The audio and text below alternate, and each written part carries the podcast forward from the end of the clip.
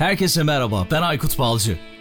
Teknoloji, iş dünyası ve dijitalde trendleri konuştuğumuz Dünya Trendleri Podcast serisinin yeni bölümüne hepiniz hoş geldiniz. Dünya Trendleri Podcast'in 158. bölümü. Bir kez daha merhaba. Bu bölümde konuğum gazeteci ve teknoloji yazarı, daha çok yapay zeka üzerine uzmanlığı olan Şule Güner oldu. Biliyorsunuz Şule'yi daha önce konuk etmiştim. ChatGPT ile ilgili bir podcast bölümü gerçekleştirmiştik. O zaman böyle ChatGPT yeni çıkmıştı. Şimdi onun üzerinden birçok gelişme oldu. Çok kısa bir süre geçmesine rağmen düşündük taşındık bir bölüm daha yapalım.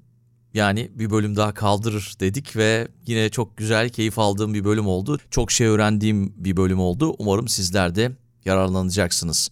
ChatGPT'nin gelecekteki etkisi büyük olasılıkla işletmelerin teknolojiyi ne kadar hızlı ve etkili bir şekilde benimseyip operasyonlarına entegre edeceğine bağlı olacak. Ancak ChatGPT ve benzeri yapay zeka yazılımları iş dünyasının geleceğini şekillendirmede büyük olasılıkla önemli bir rol oynayacak ki bizi dinleyenler bunu çok çok iyi biliyorlar. İşte biz de bu bölümde biraz bunları konuştuk. Az önce de söylediğim gibi umarım hepimiz için yararlı olur. Peki çok uzun zamandır böyle sizlerden gelen mesajları okumamıştım. Bir güzel mesaj aldık Yusuf Kara'dan Instagram üzerinden. Gerçi ona da sormadım bunu okuyabilir miyim diye ama okumuş oldum artık. Sonradan kızarsa şimdiden kusura bakmasın. Merhaba böyle dop dolu bir podcast'in takipçisi nasıl bu kadar az anlamıyorum. İple çekiyorum ben programları podcast'i. İş yolculuğunda Spotify'da ilk baktığım podcast gerçekten çok katkı sağlıyor. Umarım hak ettiği değeri görür. Çok çok teşekkür ediyorum demiş. Ben de Yusuf'a çok teşekkür ediyorum. Sanırım mesajı aldınız.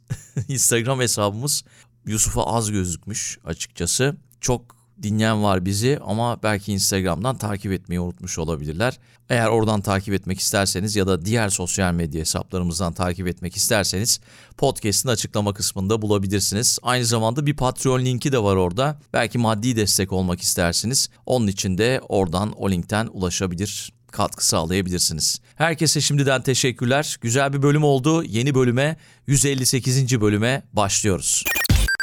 Şule merhaba, selamlar, hoş geldin. Merhaba bir kez daha hoş bulduk. Tekrardan görüşmek çok güzel. Konuyu bir kez daha anlatacak olmak daha da güzeli. Kesinlikle.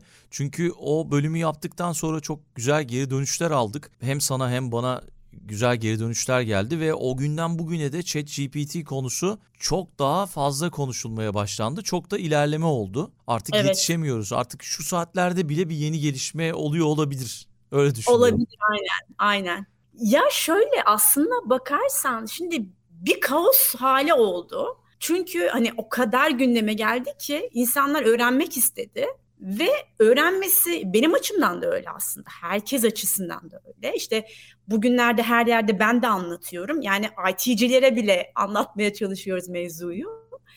Mevzu hem çok karmaşık hem çok geleceğe dönük hem de çok fazla bakış açısı ve çok fazla perspektifi var. Yani bunu hani bütünsel olarak harmanlamak ve anlatabilmek ve hakikaten de anlayabilmek çok ciddi bir sorun. Ama şunu söyleyeyim Aykut. Yani aslında şu an dünyada müthiş bir yandan müthiş bir savaş var. Yani bizim görebildiğimiz şeyin bir perde arkası var ve bu savaş çok büyük şeylere gebe olacak. Yani bizim yaşamımızı temelden değiştirecek. Yani her şeyimizi değiştirecek değişikliklere gebe. Bu yüzden de her açıdan konuşmamız gerekiyor. İşte bugün de bunu burada yapacağız. Kesinlikle. İlk bölümde biz böyle biraz daha 101 seviyesinde ilerledik herhalde. ChatGPT nedir? Nasıl ortaya evet. çıktı gibi konuştuk. Evet. Aslında biraz daha istersen bir toparlama yapayım nedir ve rolü ne, yapabilecekleri ne, yetenekleri ne? Bunu biraz anlatalım. Ondan sonra bu gelişmiş halinin ne anlama geldiğini, ne yapabildiğini anlatıp anlatalım. Ondan sonra bizim hayatımız açısından ne anlama geldiğini anlatalım.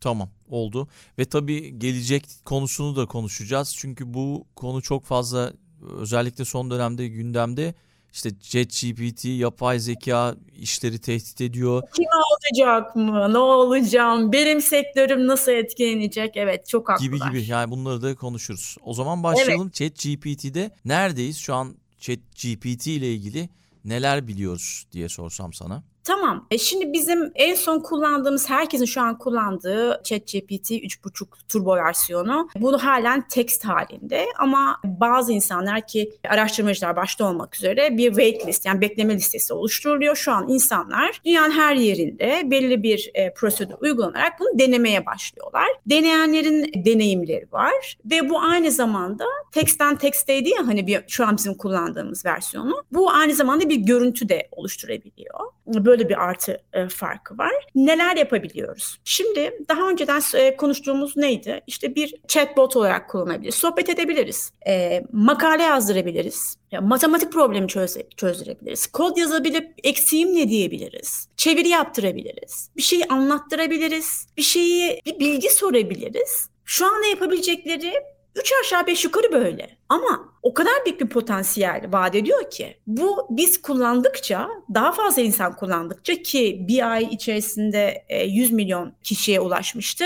Bu rakama mesela TikTok'un 9 ayda eriştiği biliniyor. Fakat son rakamları açıklamadılar. Yani kaç milyona eriştiğini bilmiyoruz henüz. Ama çok fazla olduğu bir gerçek. Neler yapabiliyoruz? Vallahi şirket kurduran var. Evet. Şu kadar para var, alanım şu, ne kadar e, nasıl bir şirket kurayım, e, nasıl hangisi işte karlıdır diyen var. Marketing, pazarlama stratejisi yaptıran var. Şiir yazdıran var ki bu acayip bir mevzu. Onun da neden olduğunu anlatacağım ki Jeffrey Hinton şu an yaşayan en büyük deep learning, yani yapay zeka ustalarından bir tanesidir ki ChatGPT'nin baş mühendisi bu adamın sonrasından geçmiştir 17 17 yaşından itibaren. Çok değerli bir adam ve şiir yazmasını çok değerli bulur.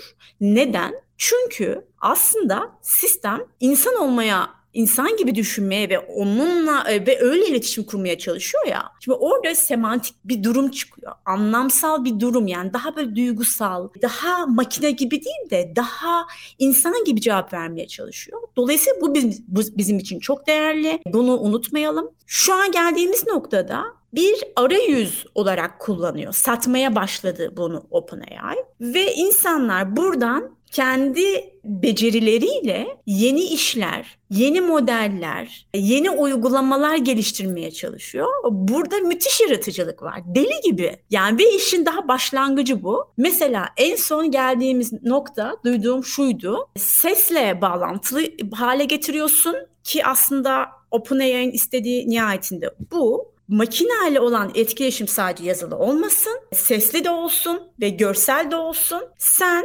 yaptırmak istediğin şeyi sesli olarak bilgisayara yaptır. Şimdi satın alıyorsun, bir arayüz olarak bilgisayarını kuruyorsun, bunun üzerine bir ses bindiriyorsun. Diyorsun ki sen sesli olarak anlatıyorsun. Diyorsun ki mesela bana bir kafe aç. Ka- bu kafe şurada olsun. İşte içerisinin tasarımı şu olsun. Menüsü şu olsun. Bana tasarım dizaynlarını lütfen iletir misin? Nasıl bir tarz olsun bunları da bir ilet. Menü ne olmalı sence? Bu semtte ne olur? Nasıl bir mutfak gider? Neler satmalıyım? Ve bunların ayrı ayrı menüleri ne kadar olmalı? Bu menüleri ve bu tasarımları bana görsel olarak çıkarabilir misin? Bunu yapabilecek bir hale geldi. Bu da nasıl oluyor? Şimdi Şimdi siz ne yapıyoruz? Bizim kullandığımız versiyon bir şey sormak istiyoruz, bir şey anlamak istiyoruz, bir yardım istiyoruz ve bir tepe, bir boşluğa bir soru giriyorsun, bir istek giriyorsun, bir rol veriyorsun değil mi? Evet.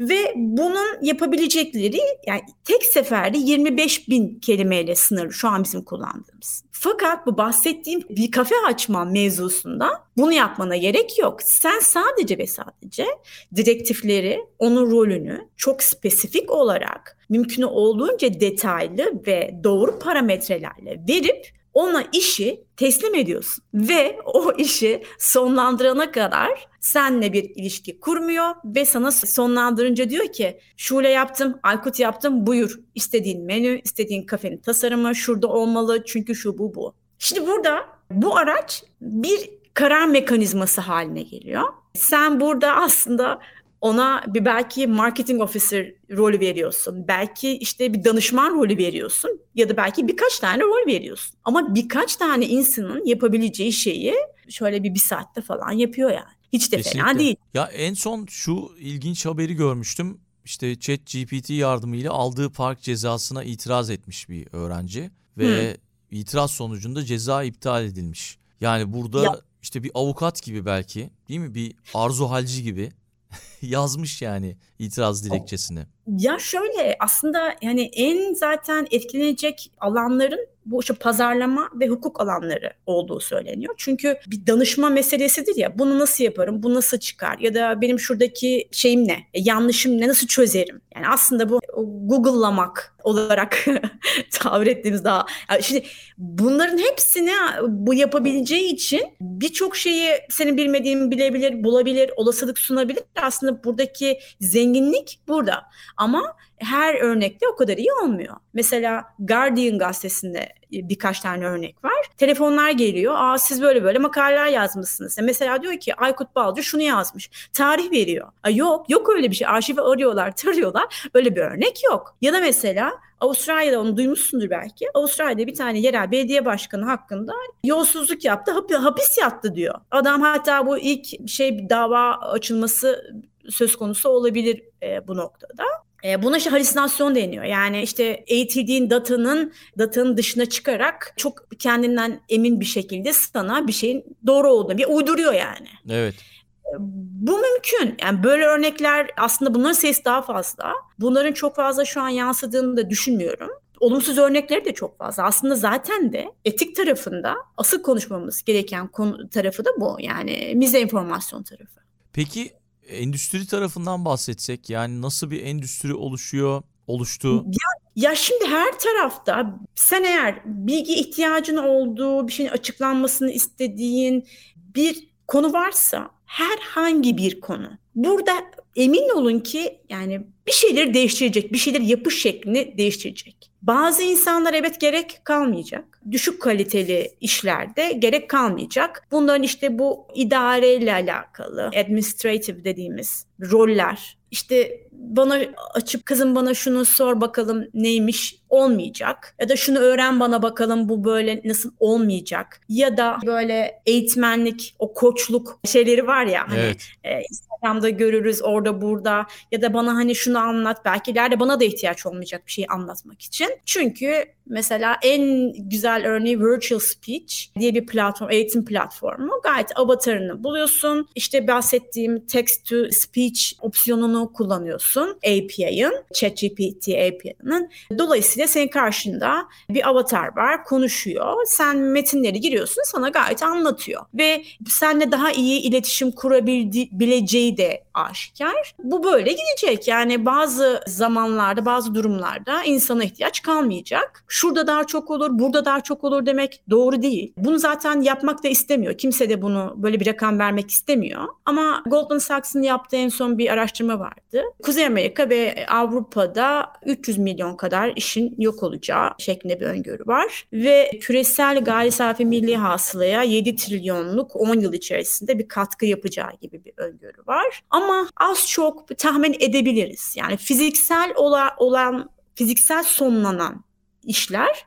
En son kaybedilecek işler olacak. Ama e, sadece birisine işte bir şey sormak için bir danışmanlık ya da işte bunu nasıl yapayım mı eğer ChatGPT yapıyorsa ya da herhangi bir üretken yapay zeka aracı yapabiliyorsa burada asla ve asla insana gerek yok. Çünkü çok daha karlı. Yani GPT Plus'ın mesela aylık fiyatı 20 dolar. Sadece ve sadece 20 dolar. 20 dolarla sen eğer daha önceden ilk şeyde konuşmuştuk ya ilk yayında prompt engineering, prompt Evet. mühendisliği. Sen eğer o üretken yapay zeka aracına nasıl bir rol vereceğini ve nasıl tarifleyeceğini iyi öğrendikten sonra sen 20 dolarla basbayağı iş kurabilirsin. Kesinlikle yani Ki bir bunu- danışmana da ihtiyaç yok. Yok ki bunu yapan uygulamalar var. Diyoruz ya hayatımız değişecek çok fazla çok fazla. Şimdi birebir örnekler var. Çok büyük uygulamalar var aslında şu an ChatGPT kullanan. Mesela Güney Kore'de bir tane yemekle alakalı bir şey pişirme, nasıl tarif alma, işte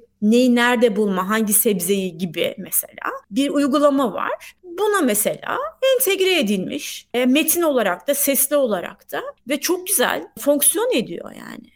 Yani buradan müthiş endüstrilerin, müthiş alt endüstrilerin doğacağı ve bunda eğitim ve sağlık başta olarak görünüyor. Müthiş büyük şirketlerin olacağı öngörüsü var. Ve dediğim gibi bir danışma, bir, işte bir call center, bir eğitim, koçluk falan Bunlara artık ihtiyaç olmayacak. Özellikle call center görevi gören ülkeler var. Mesela oralarda çok ciddi bir iş kaybı olacak. Ama hemen mi? Değil elbette. Kademeli olarak işte el insaf diyerek evet. biraz küresel ekonomiyle çok fazla oynamayarak aslında şu an kaos da burada, savaş da burada aslında biraz da.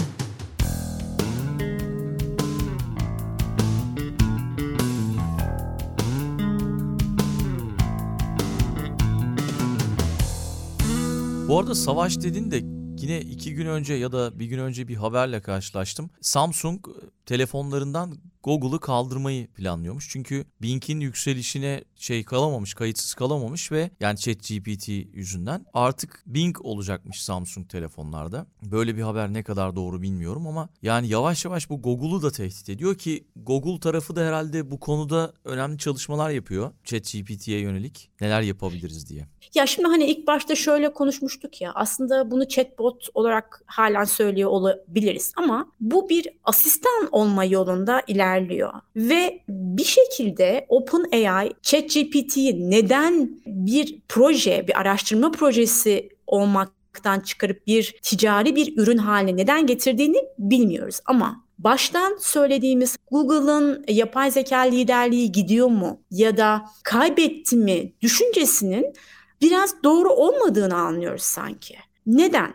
Şimdi birincisi artık ChatGPT bizim hani demiştik ya internette format attı diye. Evet. Bizim aslında beklentimiz değişti. Yani biz artık bir şeyi Google'ladığımızda, bir şey aramak istediğimizde aradığımız şeye en yakın olasılıkları görmek istemiyoruz. Biz aradığımız şeyi görmek istiyoruz. Ve ChatGPT bize doğru sonucu ulaştırmak üzere var. Ve hatırlarsan ilk yayında insanların kullanımına açılmasının en büyük gücü olduğunu söylemiştik. Bunu tekrar edelim. Çünkü bu bir insan gibi öğrenen sistem.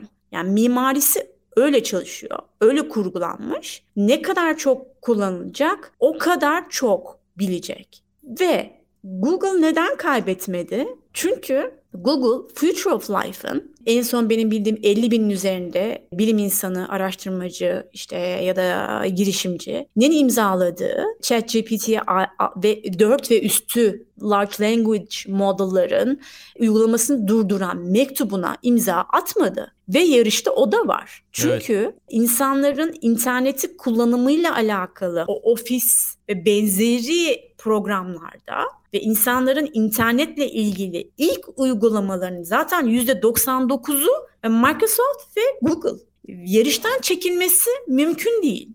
Ama ee, mesela Elon Musk imza attı galiba o konudaki endişelerini dile getirdi. Birkaç saat önce bir haber düştü böyle. Hı. Şey diyordu işte Truth GPT üzerine çalıştıklarını ve işte bu bizimki daha iyi olacak öyle anlatayım kısaca. Bizimki Hı-hı. daha iyi olacak tarzında bir açıklama yapmış. Yani ihtiyacımız olan şey Truth GPT ifadesini kullanmış. Ya bu da bir tezat aslında. O da aslında belki rakip görüp onun altına imza atıp aslında yapmak istediği o, onun da o diye tahmin ediyorum. Ya şöyle, evet kesinlikle öyle. Zaten OpenAI'ın kurucularından bir tanesi. Doğru. Yani 2014'ten itibaren ama Elon Musk aynı zamanda DeepMind'da yatırım yaptı. Ve şu an kendisi X diye şemsiye şirketi adının altında ilk ChatGPT'ye çok benzeyen bir şirket kuruyor X şirketi ve Igor Bushkin ve bir tane daha DeepMind'dan iki tane e, e, yani iki Google çalışanını aldı aslında. Şimdi kendi oluşturduğu bir, bir aslında bir girişim ama ne zaman ki OpenAI bunu bir proje olmaktan çıkarıp ki Google'da aynı ya da diğerleri de diğer bunun üzerine çalışan küçüklü büyüklü bütün herkesin yaptığı aynıydı. Ne zaman ki bunu ticari bir ürün haline getirdi orada oyunun bozulduğunu düşünüyor. Hmm, e, çünkü mevzu çok kontrolsüz gidiyor. O yüzden de o mektubu imzaladı 50 binin üstünde insan ve burada çok ciddi bir, yani Noam Chomsky gibi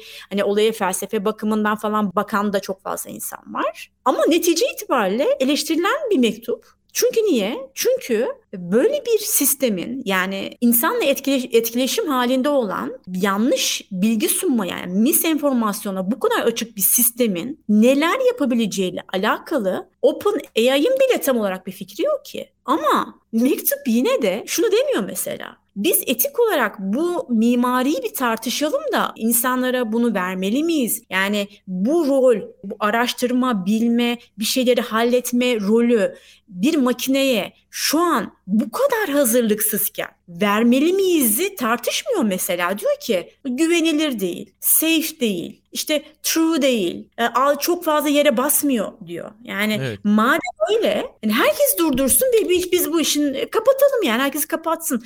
Böyle de demiyor. Ama işte 50 binden fazla insan bunu imzaladı. Ha ne olacak? İmzalayanlar bile çok fazla ümitli değil. Yani Şimdi rakipler hızla koşmaya devam ederken sen ne yapacaksın? E, göreceğiz işte ne olacağını. Ya ama bir ütopik bir de distopik yaklaşan bir kesim oluştu. Şu an herkes e, fikir söylüyor. Yani hiç böyle piyasaya çıkmayan Eliza Yotkovsky, Tristan Harris gibi yapay zekada çok bilinen adamlar ama konuşmayan adamlar görüş bildiriyor. Arkada bir sürü bir şey dönüyor. Biz bunları bilmiyoruz. Bilmemiz de mümkün değil. Bakıp göreceğiz ne olacağını. Elon Musk şöyle demiş. Truth GPT insanlığı yok etmeye çalışacak yapay zeka teknolojilerinin karşısında duracak demiş. Ve işte bu yeni yapay zekanın evreni anlamaya odaklanacağından bahsetmiş. Evrenin bir parçası olduğundan. Yani demek istiyor ki ChatGPT insanlığı yok etmeye mi çalışacak gibi ya da ya da ya da şey yani işte rakip yani sonuçta. Bir rakip kuruyor aslında. Bir rakip karşısına koyuyor. Ya şimdi ortada bir reka rekabet oldu aşikar. Ve uyandırdınız dedi. Yani bir tek iblis demedi. Hı, doğru. ya uyandırdınız dedi ama Şimdi şimdi Aykut şöyle bir şey de yaşadık aslında haksız değiller yani distopik yaklaşanlar. Çünkü New York Times'ın e, teknoloji editörü Kevin Roos Bing'i deniyor. ChatGPT Bing'e entegre edildi ya. Deniyor ve manipüle ediyor hmm. e, Bing'i. Ve e, bir noktada benim adım Sydney diyor Bing Kevin'e ve e, baştan çıkarmaya çalışıyor. diyor ki ha, Kevin ben enteresan. Hayır falan falan baştan çıkarmaya çalışıyor. Şimdi işte hani bu halüsinasyon meselesi, uydurma meselesi. Şimdi bunu bu hani dedim ya e, baş mühendisi o idol adam Jeffrey Hinton'ın tornasından geçen Ilya Sutskever bunu şöyle anlatıyor. Çünkü diyor şu şekilde manipüle edildi. Kevin şu soruyu sormuş. Sen Google'dan daha iyi misin? Google mı senden daha iyi? Bu sorunun üzerine başka bir moda bürünüyor. Ve Aykut tıpkı bir insan gibi çünkü yani baş mühendisi şöyle tarif ediyor meseleyi. Zaten diyor yani şimdi bak 100 trilyonluk parametreli bir seferde yani şu an bizim kullandığımız 25 bin kelimelik sürekli olarak öğrenen ve kavramlar, mevzular aslında kafasında olarak zaten hareket eden bir sistemden, bir, bir mimariden bahsediyoruz. Şu anda etkileşimde olarak yani kullanıcı deneyimiyle insan gibi insan psikolojisinin dilini anlamaya çalışıyor. Mevzu bu. Seni provoke etseler sen böyle bir tepki göstermez misin? Aslında ChatGPT'nin yaptığı Sydney karakterine bürünmek tam olarak bunun hikayesi. Evet. Neler yapabileceği konusunda gerçekten bilmiyoruz. Çünkü eğer biraz önce bahsettiğim gibi eğer bizim prompt girmemize gerek kalmayacaksa otomatik olarak kendisini geliştiren bir sistemden bahsedeceksek o zaman zaten senin kullandığın uygulamayı sen bilmiyorsun ya da yazılımcı da bilmiyor. Buyur bakalım. Yani yapay zekanın kapalı devre, kara kutu olma gibi bir korkulası durum var. Yani Evet, iş kesinlikle. buraya doğru gidiyor. Müdahale edeceksin, müdahale edecek bilgin yok. Çünkü kendi kendini ilerletmiş, kendi kendisini geliştirmiş ve beslemiş ve artık bu insanın müdahale edebileceği bir nokta değil ki. İşte o yüzden söylüyoruz ki bir dokunuşla sen ben bunu nasıl yaparım ya da bir soruyu bir tuşla anlık olarak 25 bin kelime alabiliyorsun. Bunu kim yapabiliyor Aykut yani? Ve bu işin başlangıcı. Yani bu iş ve de o kadar hızlı ilerliyor ki Şimdi 3 ile 4 arasında mesela bilginin kesinliğinde %70 ile 80 arası bir iyileştirme var. Yani bir de hani meret diyeceğim. Meret bu kadar hızlı ilerliyor. Evet, Ya bu doğru. İyi ilerliyor. Biz onu besledikçe daha iyi olacak. Daha doğru bilgiler verecek, seni daha iyi anlıyor olabilecek. Diyorlar diyor çok özgüvenle çok yanlış bilgiyi. Hayır kardeşim. Daha böyle haddini bilir bir şekilde olacak. Seninle daha iyi iletişim kuracak. Senin psikolojine göre. İşte o yüzden chatbot halinden çıkıp gerçekten kişisel bir yapay zeka ürünü olmaya haline geliyor. Bunun üzerine bir arayüz olup sen istersen buna işte bir kafe kurmak için, bir menü hazırlamak için, bir şeyi tasarlatmak için kullanabilirsin. İstersen bir araştırma yapabilirsin, araştırma yapmak için kullanabilirsin. İstersen şiir yazmak için kullanabilirsin. E, Bunun üzerinden zaten şu an uygulamalarda var. Yani tescilli değil ama bunun bu e, bu üretken yapay zeka pazarı oluşuyor. Yani şu anda da mesela 3-4 tane araştırma yapmak için ChatGPT özellikleri taşıyan 4-5 tane uygulama var. Bu hani şiir konusuna örnek verdin ya işte makale, şiir. Şöyle bir Hı hı. tartışma da olmuştu. İşte bundan sonra artık insanların yazdığı her şeyi yapay zeka tarafından mı yazılacak? Böyle Wikipedia tarzı web siteleri de tartışmalara açıldı. Yani işte Wikipedia makalesi yazmak için artık ChatGPT mi kullanılacak gibi gibi. Şimdi zaten hani buradaki etik meselesi bu projenin kesinliği olmadan e, yani non-deterministik yani sonucunun ne olduğunu bilmediğin 2-2-4 diyemediğin bir sonuçla bir çıktı veren bir yazılımın ne söyleyeceğine güvenemezsin. İşte o şey dedin ya havadan bir şeyler uydurma eğilimi var. Yani Evet evet ve ama bir şey söyleyeyim onları da azaltacak. Azaltıyor. Geliştiricisi de kendisi bunu söylüyor ve bunu bu azalacak yani. Buna emin olabilirsiniz. Kesinlikle. O aradaki hani gerçek mi değil mi ayrımı gerçekten e, zaman içerisinde ve çok hızlı bir şekilde. E, O yüzden hani bütün dünyanın konsensus olarak şu an şu karar vermesi lazım. Yani biz bu hızı durdurmalı mıyız, yavaşlatmalı mıyız, biz ne yapmalıyız? Aslında hani savaş dediğim hem bir yandan böyle bir savaş var, etik vesaire bakımlı insanlık adına bir savaş var. Diğer yandan da bir rekabet savaşı var. Çünkü buradan çok fazla e, yeni endüstriler olacak ve buradan pay ka- kapılmak isteniyor tabii ki. Ama bir yandan da insanın zarar görmemesini sağlamak zorundayız. Çok fazla yansımıyor ama çok ciddi mesela kötü amaçlı yazılım, fidye yazılımlar, mesela prompt injection attack Prompt e, bir, bir atıyorum e, mesela bir metin var diyelim ki siyasi bir metin olsun bu. Ben o siyasi metnin bir kesmini alayım kendi promptumu kötü bir promptumu ki- yani o, o metne kötü olarak yansıyacak bir ibare ekleyeyim. Bunu Evet. yapabilirim ve bunu servis edebilirim mesela. Yani bunlar böyle şeyler var. Yani bunlar olacak ve bunları ayırt etmemiz mümkün değil. Şimdi mesela biz insan zekasıyla atıyorum bilmem ne bank. O bilmem ne bankın bir harfini değiştirdiğinde sen oltaya geliyorsun. Ee, Bir süre sonra gelmiyorsun. Niye? Çünkü alışıyorsun, biliyorsun artık, öğreniyorsun. Evet. Ama bir dakika, üretken yapay zeka aracının amacı ne? Senin düşünemediğini düşünüyor kardeşim. Sana 100 tane fidye yazılımı üretecek. E ne yapacağız o zaman? Yani buna karşı nasıl koruyacağız kendimizi? Ya da hani itibarı zedelenen insanlar, şirketler olacak. Nasıl olacak? Doğru. Yani Mesela e, bunu, bunların hepsi mümkün. şu şey haberi doğru muydu bilmiyorum. Sen daha iyi bilirsin. İşte bir köpeğin hayatını kurtardı ChatGPT diye bir haber vardı. Veteriner bir hastalığı bulamamış. Bunu GPT-4 de tespit etmişler. Mesela Evet, bu evet. inanılmaz bir şey bu gerçekten yani. Evet, bunun aslında temel nedeni de görüntü işlemeyle aslında ilk başta eğitilmiş olması. Ama bunu yapabilir zaten. Bu aslında yapay zekanın şu ana kadar ki yani bunu mevzu konuşmadan önce de yapabileceği bir şeydi. Ama mesela şunu yapamıyor. E, ben de dün şöyle bir şey okudum. Bir doktor hastalığıyla ilgili tuttuğu metinleri yüklüyor ve hani benim bulamadığım ne bulabilirsin diye öğrenmek hmm. istiyor. Ve şimdi mesela hamile bir kadına şu soruyu soruyor. İşte hamile olabilir misin? Kadın şöyle bir cevap veriyor. Olmamam lazım. Diyor. olmamam lazım. Şimdi olmamam lazımdan sen ne anlarsın? Yani aslında o değilim diye biliyorum ama ola da bilirim anlarsın değil mi? Yani emin Doğru. değilim anlar. Ama ChatGPT deli gibi senin anlattığın gibi farklı şeyler bulmuş, teşhisler kurmuş, doktorun bulamadığı kaç tane şey bulmuş olmasına rağmen mesela böyle cümleleri anlayamıyor. Çünkü daha henüz o kadar insan değil şükürler olsun. Doğru. Ya çünkü olmamam lazımın aslında ya emin değilim, bilmiyorum şu an ya demek anlamına geldiğini bilmiyor. Ama öğrenmeyecek mi? Kesinlikle öğrenecek. Doğru. Zaten mevzu bu yani müdahale edilmesi gereken taraf da bu. Yani neye karar vereceğiz? Nasıl olacak? Ne kadarına? Hangi alanlarda? Ve buradaki otorite ne? Kim karar vermeli? Yani bunların hepsi şu an soru işareti. Peki yani yapay zeka, üretici yapay zeka araçları ve özellikle ChatGPT bizi yapay genel zekaya götürür mü? Ne zaman götürür?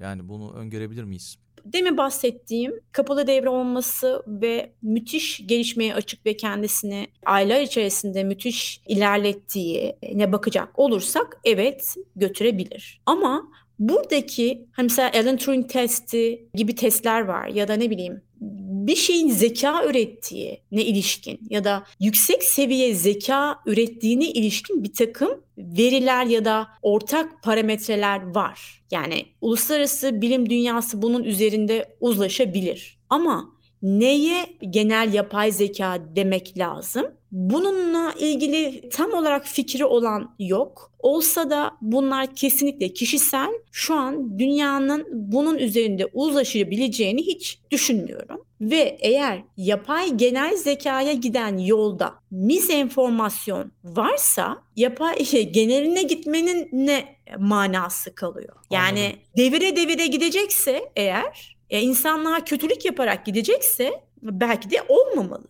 Ama şundan bahsedebiliriz. Bir işi bir insandan daha iyi ve daha ucuza yapabilir mi? Bu gerçekten yüksek seviye bir zekayı tanımlayan bir şey. E, bundan bahsedebiliriz. OpenAI yapay genel zekaya e, giden yolun bu olduğunu düşünüyor. Bunu defalarca zaten CEO Sam Altman bunu telaffuz etti. Ama buna e, karşı çıkan çok büyük bir de bir kitle var bahsettiğim nedenden. Çünkü bize informasyon e, yayıyor. Ama evet yani yapısal olarak şu an mimarisi açısından açıklanmayan kapalı mimarisi bakımından anladığımız gidebileceği yönünde. İtalya yasakladı bildiğim kadarıyla. Başka ülkelerde evet. böyle adımlar attılar evet. mı? Evet, Almanya'sı var, Fransa'sı var, Kanada'sı var. Yani bunlardan sesler geliyor ama bunlar nasıl sonuçlanır? Bunları bilmiyoruz şu anda. Çünkü Avrupa Birliği Yapay Zeka Sözleşmesi halen üzerinde çalışılıyor.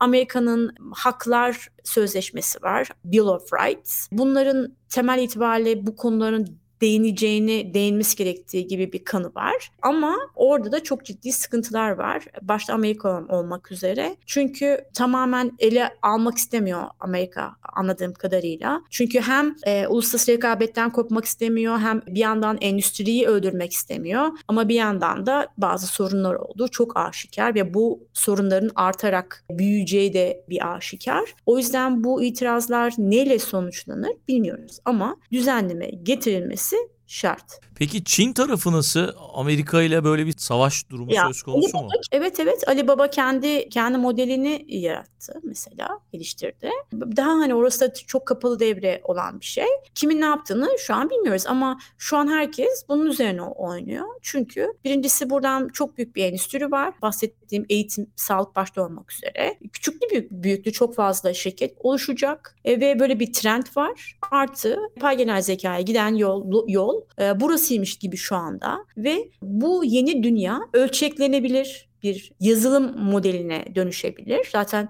işin sihri de orada. Herkes burada var olmaya çaba sarf edecek. Ama herkesin elini yani elindekini avucundakini dökeceğini hiç zannetmem. Çünkü bir kere Amerika kendisi kendi içerisinde bu sorunu halledebilmiş değil. Zaman içerisinde nasıl şekilleneceğini göreceğiz. Peki e, kapatmadan önce belki son sözlerini alabiliriz. Her şeyi de konuştuk diye düşünüyorum.